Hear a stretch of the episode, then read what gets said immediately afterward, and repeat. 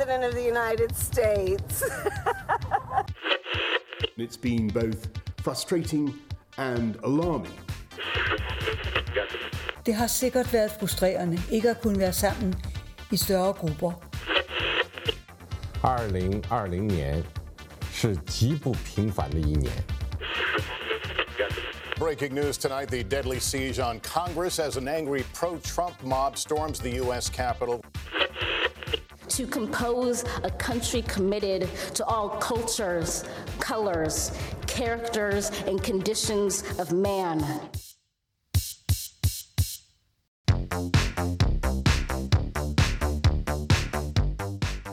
Góðan dag, kæru hlustendur, þeir eru að hlusta á heimskviður. Ég heiti Guðmundur Björn Þorbjörnsson. Og ég heiti Birta Björnstóttir. Í heimskviðum er fjallaðum það sem gerist ekki á Íslandi.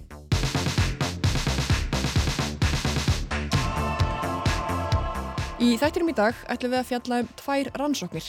Annars vegar rannsóknin á eldsvoðunum í Grenfell fjölbýðisjúsinu í Lundunum sem eru 2017 og svo rannsókn á morðinu á sáti arabíska bladamannum Jamal Khashoggi. Guðmundur Björn, þú lagðist yfir síðanemdu rannsóknina, er það ekki?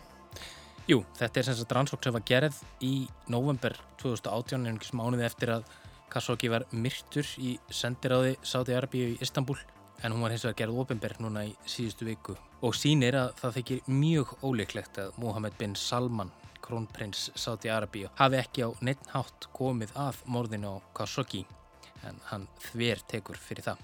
Og við heyrum meira um það eftir smá stund. En þú, Birta, þú skoðir rannsóknin á Grenfell brunanum. Var ekki búið að rannsaka þetta í þaula? Var þetta ekki gölluð klæðning á húsinu sem var til þess að húsið þurrað upp? Jú, það er sannlega niðurstaða hluta rannsóknarinnar, en setni hluti rannsóknarinnar er enni gangi og hann snýra aðstæðum annara íbúa lunduna. Það eru mörg hundru þúsund mann sem enn búa í húsum með samskonar klæðningu og var á grænfellbyggingunni. Þau setja þær í rauninni först því að það vilja náttúrulega fáir kaupa þær í búðri ljósisögunar, tryggingar eru roknar upp á öllu valdi og svo standa mjög dýrar framkvæmdir fyrir hjá mörgum þeirra vegna þessa. Þessi setni hluti rannsóknarinnar hefur tafist umtalsvært vegna COVID en er núna komin að stað aftur og þar hefur ímislegt áhugavert komið í ljós eins og við greinum frá í setni hluta þáttarins. En við byrjum á þessu. Tæp 2,5 ár eru síðan sáti arabíski bladamærun Jamal Khashoggi var myrtur í sendiráði sáti Arabíu í Istanbul í Tyrklandi. Khashoggi hafði talað opinskátt fyrir opnara og gagsara stjórnkerfi í heimalandinu og gaggrínt krónprinsins Mohammed bin Salman fyrir spillingu og mannrittindabrótt. Prinsin hefur ítrekkað þverr tekið fyrir að hafa skipulagt eða yfir höfuð vitað um morðið á Khashoggi. Það verður að teljast ólíklegt að hæstraðandi landsins hafi ekkert vitað og því eru bandarísk stjórnvöld nú samála. Þetta kemur fram í skýslu bandarísku leinu þjónustunar séa um morðið á Khashoggi sem var gerð ofinber á dögunum. En hvað felur skýslan í sér og munu bandaríkin geta beitt refsiðagerðum gegn einu mikilvægasta bandamanni sínum í miðausturlöndum?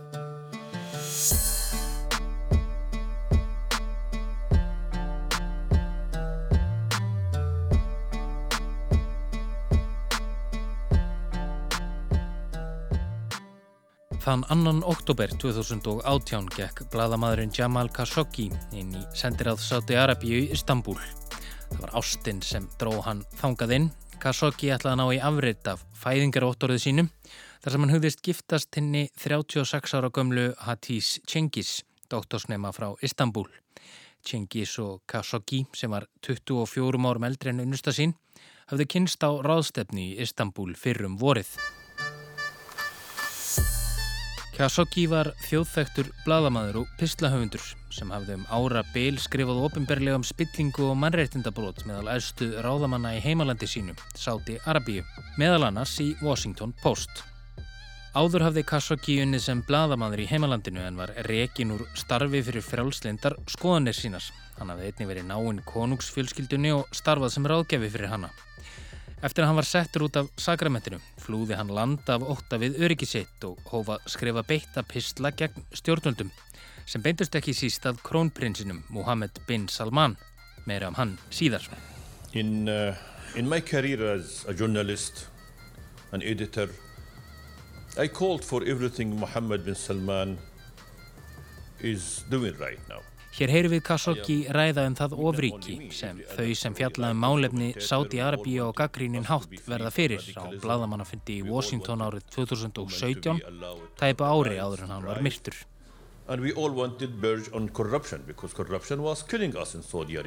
Við viljum bara benda á spillinguna og vekja aðtekli á sjálfsögðum mannréttindum. Það er ekkert lendarmál að spilling þrýfst í Saudi Arabíu, bætir hann við.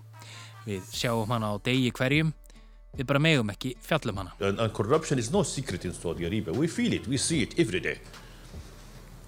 But we just simply cannot report about it. Víkjum aftur til Istanbul, þannig að örlaðaríka dag í oktober 2018. Skemst er frá því að segja að ekkert varð af fyrirhugðu brúðköpi þeirra Khashoggis og Cengiz. Við komuna í sendiráðið var Khashoggi tekin höndum og hann myrtur á rottafengin hátt og bútaður í sundur með beinasög. Cengiz, unnusta Khashoggis, beigð fyrir utan sendiráðið eftir unnusta sínum. Áður en hann hafði gengið inn sagði hann unnustu sinni að hafa ekki áhyggjur, líkt og hún greindi frá í norsk-sænska umræðuþættinum Skavlan á síðasta ári. He told me, uh, see you, see you soon. Wait me here, see you soon. Eftir 2-3 tíma og ekkert bólað á Khashoggi fór hún að hafa áhyggjur, en gæti þó ekki ímynda sér að eitthvað geti komið fyrir unnusta sinn á tyrkneskri grundu. Það óttaleysi reyndist ekki á rökum reist. Ekki er vitað með vissu hvað gekk á inn í sendiráðinu en af hljóð upptökum sem rannsóknar nefnda á vegum saminuðu þjóðana gerðið ofinbera má dæma að Khashoggi hafi verið svæfður, síðan kefður með plastboka og loks bútaður í sundur með beineksi. Á upptökunni heyrist Maher Abdulaziz al-Butreb, hátsettur embattismadur sáti-arabísku leinithjónustunar, spyrja réttarmeinafræðingin Salah al-Tubigai hvort það sé mögulegt að koma líkinu af Khashoggi fyrir í póka. Læknirinn svarar. Nei, það er of þungt. Við verðum að búta hann í sundur. Líkið er þungt. Þetta er í fyrsta sinn sem ég er að skera svona á jörðinni. Ef við tökum plastpoka og skerum líkið niður í búta, verður þetta allt í lægi. Frettir af morðinu á Khashoggi fóru sem eldur í sinu um nettheima. Tveimur vikum síðar rannsakaði Tyrkneska lauruglan sendiráði í bak og fyrir og komst að þeirri niðurstöðu að Khashoggi hefði verið myrtur þar inni og að róblað hefði verið við sönnunargögnum. Sáti-arabísk stjórnvöld þver tóku fyrir aðveld sínað morðinu og næstu mánuði heyrðust margar og misvísandi sögur frá sátum um hvernig Khashoggi dó og hvað varðum jarneskar leifar hans og hver bæri ábyrð á dauða hans. Að endingu fegst það svar frá stjórnvöldum að bladamærin Khashoggi hefði dáið í slagsmálum við sendinemt Sáta sem hefði reynd að sannfara hann um að snúa aftur til Sáti-Arabíu. Kjölfarið letu Sátar handtaka 21 vegna grunnsum aðildað morðina á Khashoggi. Í janúar 2019 voru fimm þeirra dæmdir til dauða. Réttarhöldin áttu sér stað fyrir luktum dyrum í Sáti-Arabíu og voru þau harlega gaggrínd meðal annars af mannristindavakt saminuði þjóðana. Til viðbótar voru þrýr aðrir dæmdir til samtals 24 ára fangelsisvistar. Málinu lokið, eða hvað? Nei, því fer fjarrri. Niðurstað sáta í málinu þótti ekki trúanleg. Tyrknesk stjórnvöld sem tóku málið eðlilega mjög alvarlega heldur því strax fram að morðið á Jamal Khashoggi hefði verið fyrirskipað af aðstu ráðarmönnum Sáti Arabíu. Og að því kom steinni sjálfstæð rannsóknarnemnd á vegum saminuðu þjóðana sem skilaði skýrslu um málið í júni 2019. Agnes Kallard sem fór fyrir rannsókninni, segir í skýrslu rannsóknarnemdarinnar að sterkar vísbendingar séu um að krónprinsinn Mohammed bin Salman hafi fyrirskipað morðið og að hann ætti með réttu að sæta refseaðgerðum að hálfu saminuðu þjóðana í kjölfarið sem og aðrir hátsettir embættismenn í landinu. Stjórnvöldi Sáti Arabíu gáfi lítið fyrir skýrsluna og heldu áfram með réttarhöldin yfir hennum grunuðu sem leitu, líkt og fyrir segir, til aftöku fimm manna. Leinithjónustan bandaríska CIA let rannsaka morðið á Khashoggi og gerði um það skýrslu í november 2018 mánuði eftir morðið. Donald Trump, þáverandi bandaríkjaforsiti, vildi ekki að skýrslan erði gerð ofinberð. Hann sagði þó að tilburðir sáta til að sverja af sér morðið varu hlægilegir og að þetta væri einn versta yfirhilming sögunar. They had a very bad original concept. It was carried out poorly, and the cover-up was one of the worst in the history of cover-ups. Sátar og þá sérilagi Bin Salman sættu þó engum refseðagerðum en það sagði Trump með réttu að Sátar veru líkil bandamaður bandaríkina. Sátar og bandaríkin eiga nefnilega í góðu viðskiptarsambandi en Sátar ráða yfir 18% af ólíubyrðum heimsins. Eruðu Sátar beittir viðskiptaþvingunum myndi verða á ólíu að öllum ríkindum rjúka upp úr öllu valdi. Þá gerðu Bandaríkin og Sáti Arabia vopnaskiptasamning sína milli árið 2017 til 10 ára en samningurinn er metin á 110 miljardar bandaríkjadólara eða því sem nefnur tæplega 14.000 miljardum íslenskara króna. Þá eru önnur atriði sem gera það verkum að það þjónar hagsmunum bandaríkistjórnar illa að rugga þessum bát. Sátar og bandaríkin eiga sér sameinlega nóvin í Íran. Sátar hafa lagt umtalsverða fjármunni í baráttinu við hriðiverkarsamtökin sem kenna sig við Íslamst ríki og svo framvegs. En hvaða nú? Nýr forseti er tekin við í kvítahúsinu og í síðustu viku var skýrslan sem CIA gerði gerð ofinber og þar kemur fram að krónprinsinn Bin Salman hafi án nokkurs vafa fyrirskipað morðið á Khashoggi. Því til stuðnings segir í skýrslunni að Bin Salman hafi verið hæstráðandi í landinu frá því hann tók við stjórnartöymnum af föður sínum Salman konungi árið 2017. Einn ráðgjafa krónprinsins hafi tekið þátt í morðinu og það hvernig prinsinn hafi gegnum tíðina lagt blessun sína yfir það að stjórnarastæðingar séu beittir ofbeldi. Gott og vel, en refsiðagerðir, viðskiptaþvinganir, nei, varla.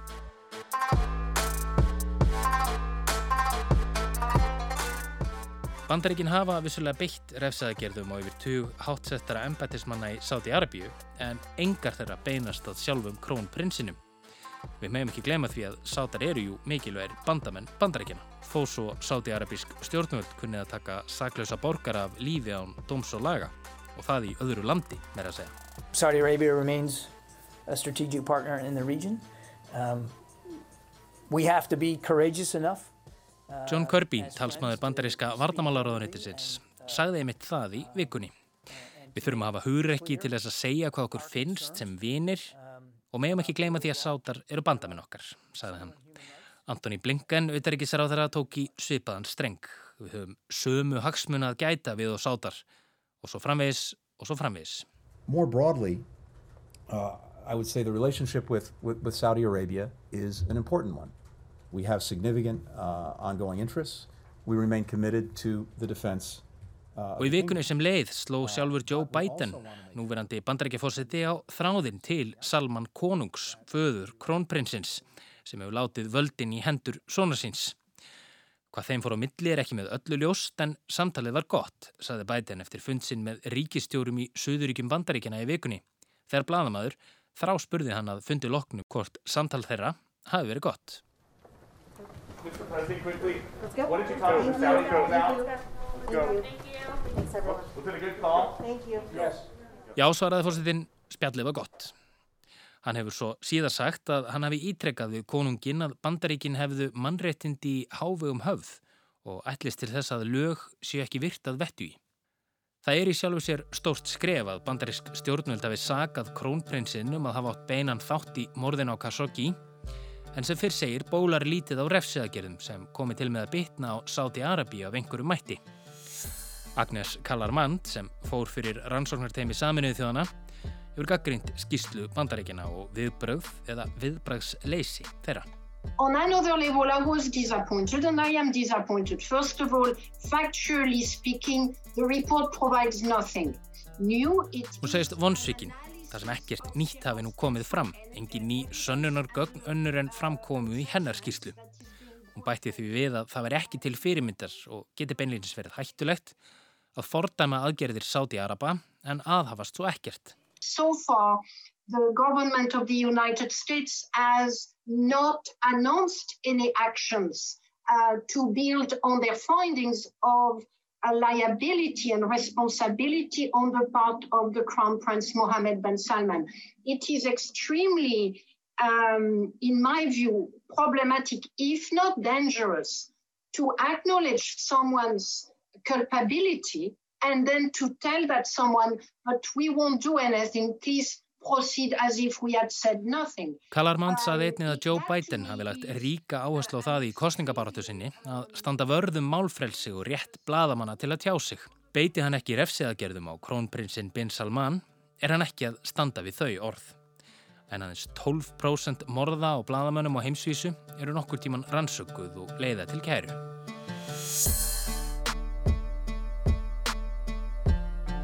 Morðið á Jamal Khashoggi er hápolítist mál.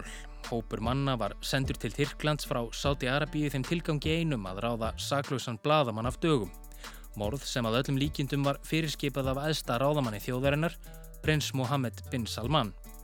Aðgerðaleysi alþjóðasamfélagsins sínir svo ekki verður umvilst að bin Salman er ekki aðeins valdamesti maður Sáti-Arabíu, heldur einn valdamesti maður í heimi. Fáir ef einhverjir kæmist upp með viðlíka framkomu. En heimur alþjóðastjórnmálana er heimur samninga og sátta og líf eins saklaus manns telur kannski ekki mikið í því stóra samhengi. Á meðan má telja ólíklegt að bladamenn frá Sáti Arabíu þóri að skrifa nokkurt stegðar erði um stjórnvöld því eins og Khashoggi saði sjálfur tæpa ári áður en hann lest þegar rítumundur er handtekinn þagna hinnir af óta við að verða sjálfur handteknir. When a writer is, is arrested, everything other writers are afraid to speak because they don't want to be arrested. So the environment in Saudi Arabia does not allow for constructive criticism or constructive debate and discourse about lively matter, matter that are, they are going to affect us for the future. Sáti-Arabia heimilar enga uppbyggilega gaggríni, segir hann, og ekkert samtal.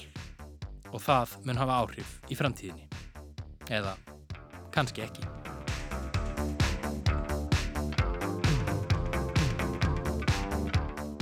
Og þá halda heimskuður til Breitlands. Flestum er eldsóðin í Grenfell fjölbilshúsunni í Lundunum sömurið 2017 enn í fersku minni en 72 létust þegar blokkin varð al elda á skömmum tíma. Tæpum fjórum árum eftir brunan búa nú um 650.000 lundunabúar enn í húsnæði með samskonar klæningu og föðraði upp í eldsóðanum. Örvænting hefur gripið um sig í stað reyði því þrátt fyrir fögur fyrirheit stjórnvalda hefur lítið verið gert fyrir þennan hóp.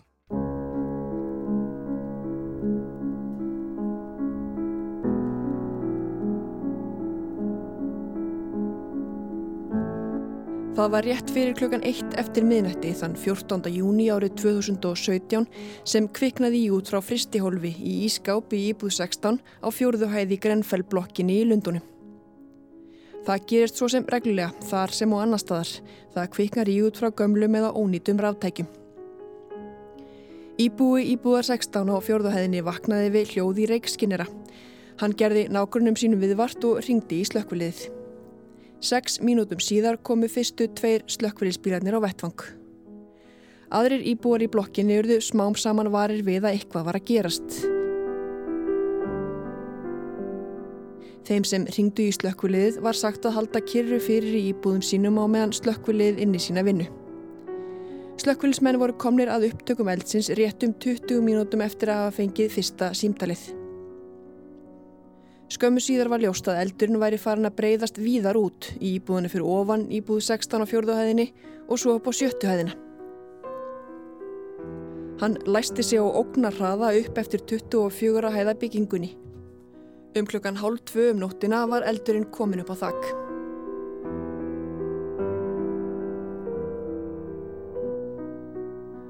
Fljótlega var ljóst að eldsvoðin var gríðarlega umfangsmikill og fréttastöðvar hófu beinar útsendingar þeirra á meðal skæ.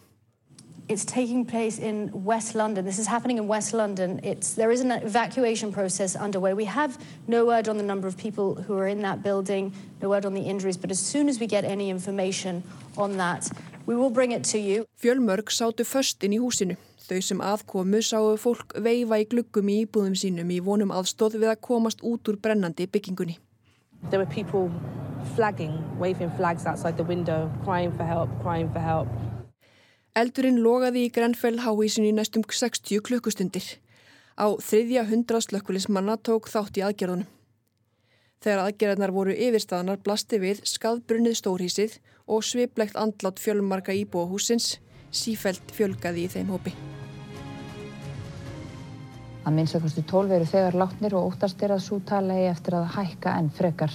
Sadly I can confirm that the number of people that have died is now 17. Og þá út í heim 30 hafa fundist látin eftir eldsvoðan í Lundunum og um 70 er enn saknað. Lauriklann í Lundunum staðfesti í dag að 58 séu taldir af eftir eldsúðan í Grenfell fjölbílishúsinu og miðvöggudag.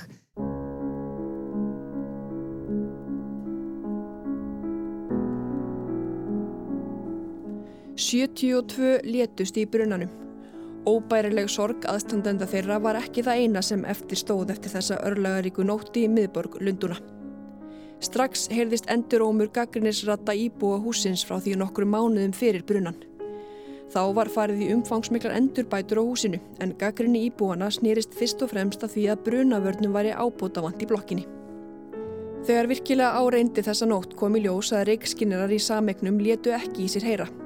Það vantaði lýsingu í brunastega húsins, auk þar sem útgangar úr háísinu voru ekki nægilega margir með að við íbúa fjöldan í húsinu. Endurbætunar skömmu fyrir brunan snýru meðal annars að nýri klæðningu utanum bygginguna.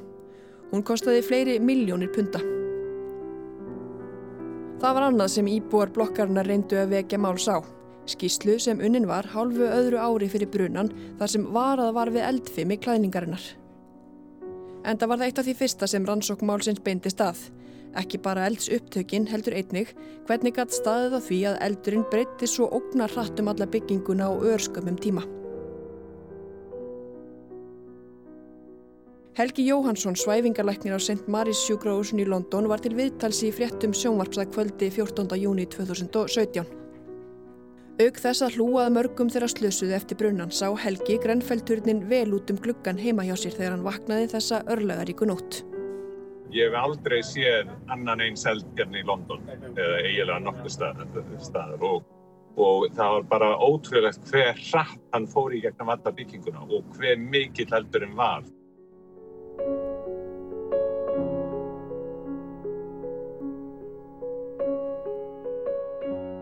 Íbúar Lunduna voru einfallega brjálaðir. Theresa May sem þá var fósettisráð þeirra gerði eins og þeirra er síður þegar eitthvað bjátar á og mætti á vettvang. Þegar hún heimsóti kirkju í nákvæmni Grenfell sem nótuð var sem atkvarf og hjálpar miðstöð fyrir íbúahúsin sem mistöðu allt sitt, veittust íbúar hverfisins aðinni. May fór á brott í lauruglufyllt undir hrópum íbúa hverfisins sem sögðu hana eiga að skamma sín. Skömmu síðar ruttist fjöldi mótmælenda inn í ráðhúsin í Kensington og Chelsea. Fólk var ævareitt út í ráðamenn vegna þess sem gerðist. Eldsvoðun hróðalegi reif nefnileg gömulsár, eða gömul, sígræn sár kannski, sársöka stjættaskiptingar sem mörgum þótti Grenfellbrunnin lýsandi dæmi um. This is a tale of two cities. This is what Dickens was writing about in the century before the last, and it's still here in 2017. David Lammy, þingmaði verkamannaflokksins, sagði þarna í viðtali við Breska ríkisútarbið að þetta væri saga tvekja borga og vísar þar til skáldsögu Charles Dickens að Tale of Two Cities. En meining þingmannsins var líka að í borginni byggju tveir hópar. Þau ríku verða ríkari, þau fátæku fátækari.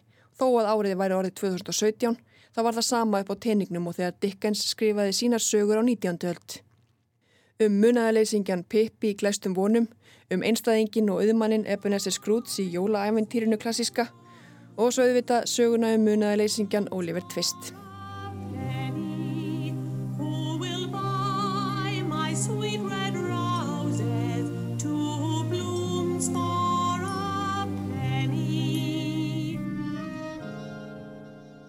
Ættingar þeirra sem létust og í raun borgarbúar flestir vildu fá svör.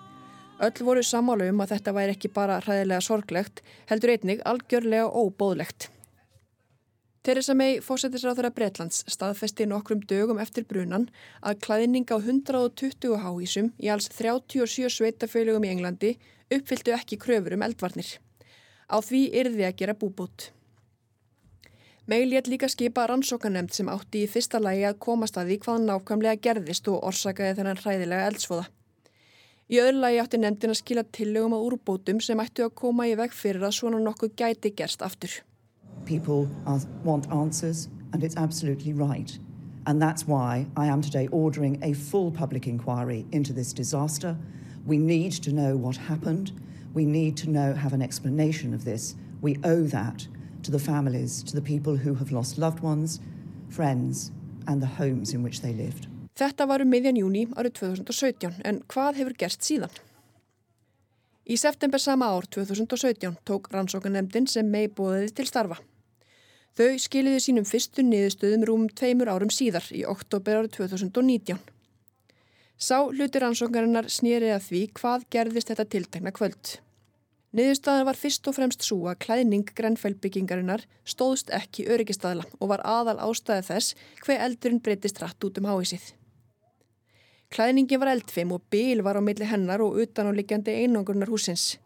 Þar á milli var loft, súrefni fyrir eldin skýðlógandi. Í þessum fyrri niðurstuðum rannsókanemdarnar er einnig fjallað um slökkuliðið. Þó að þar sé skýrt tekið fram að slökkulisfólk á vettvangi hafi staðið sína plikt og vel það í kræðifjandi aðstæðum, hefði margt betur mátt fara. Það hefði verið mistök af hálfu stjórnenda á vettvangi að ráðleggja íbúum húsins að halda kyrru fyrir íbúum sínum í næstum tvær klukkustundir eftir að eldurinn kom upp. Ríma hefði átt húsið klukkustund fyrr. Það hefði bjargað nokkrum mannslífum. Þá kemur sumuleiðis fram í skýslunni að þjálfun slökkvilismanna fyrir aðstæðnar sem þarna komu upp hafi verið ábútafant. Þessar niðurstöðu voru sem sé byrtar hösti 2019 og þá var komið að setni hluta rannsóknarinnar og um hvað snýrist hún? Já, það er oftast gott að leita upplýsinga sem næst umfyllunarefnu.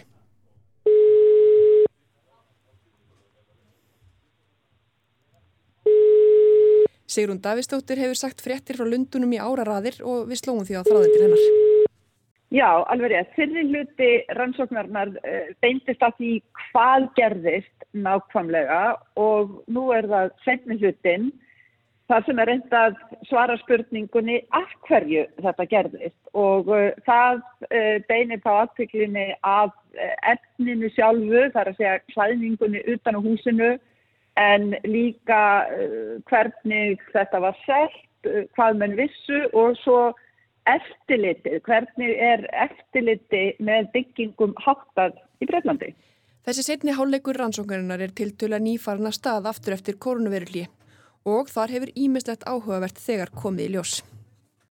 Já, tímara löst. Það sem að, að til dæmis hefur komið í ljós er að það er eftirlitstofnun sem að, að á að hafa sagt, eftirlit með byggingum og, og þá byggingar efni Þetta er gömul stopnum sett á lakirnar 1921 og er enn starfandi en munurinn er bara sá að 1997 þá var þetta uh, batteri engavætt og uh, er núna rekið uh, sem sagt ekki ágóða skyni en stopnuninn þarf að vinna sér inn pening og hún gerir það meðal annars með því að skrifa skýslur um byggingarefni og ímislegt sem varðar byggingar og virðist vera í kannski aðeins of nánu og góðu sambandi við eh, þá sem er að framlega þetta efni.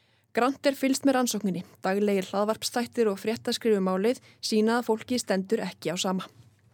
Ég held að það hafi ekki dreyið úr reyðinni en, en kannski reyðin frekar uh, breyst í bara örvættingu vegna þess að, að, að nú eru sem sagt þrjú og halvt ár síðan þetta gerðist og uh, það hefur kannski ekki mjög mikið breyst. Það er uh, ekki ennallega hægt að breyta fortíðinni.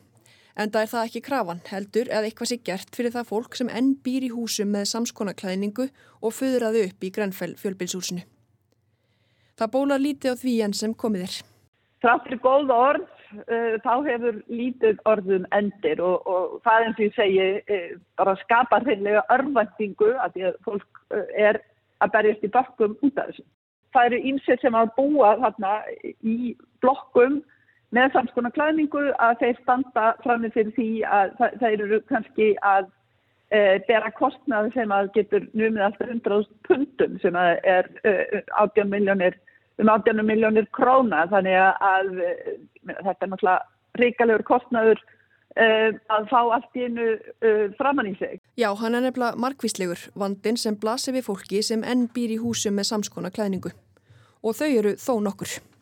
Það er talað um að það séu 247.000 íbúðir e, í Breitlandi sem að hafa e, svona klæningu og e, það eru kannski 650 manns 650.000 mann sem að búið þessum íbúðum en það er rauninni miklu flerri sem að, einhvern veginn e, þetta hefur áhrif á e, það er talað um þetta snerti líf e, 100.000 eða ekki miljóna manna það er fólk sem býr í íbúðum eða býr í húsum með svona klæningu það getur eiginlega ekki sest íbúðuna sínar þeir sem vildu hugsanlega kaupa íbúðir, uh, þeir get ekki fengið lán. Þannig að þetta er eitt vandin og svo er það bara kostnæðurinn af því að búa í blokkum með þessu klæðningum. Um, kostnæðurinn til öryggismála hefur uh, algjörlega rokið upp úr uh, öllu valdi og saman með tryggingar.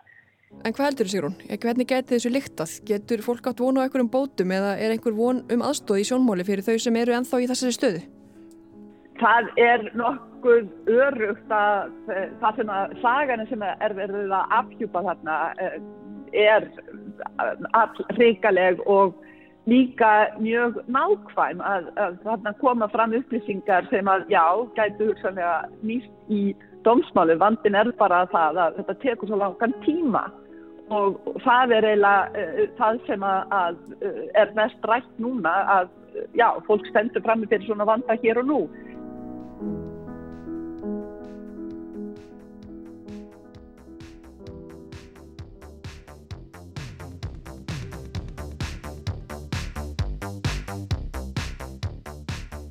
Heimskuður verða ekki fleiri þessa vikuna? Þannan þátt og alla hina heimskuðu þættina má nálgast í spilarunum á rú.is og á öllum heldri hlaðarpsveitum. En við þökkum þeim sem hlítum og heyrumst aftur í næstu viku.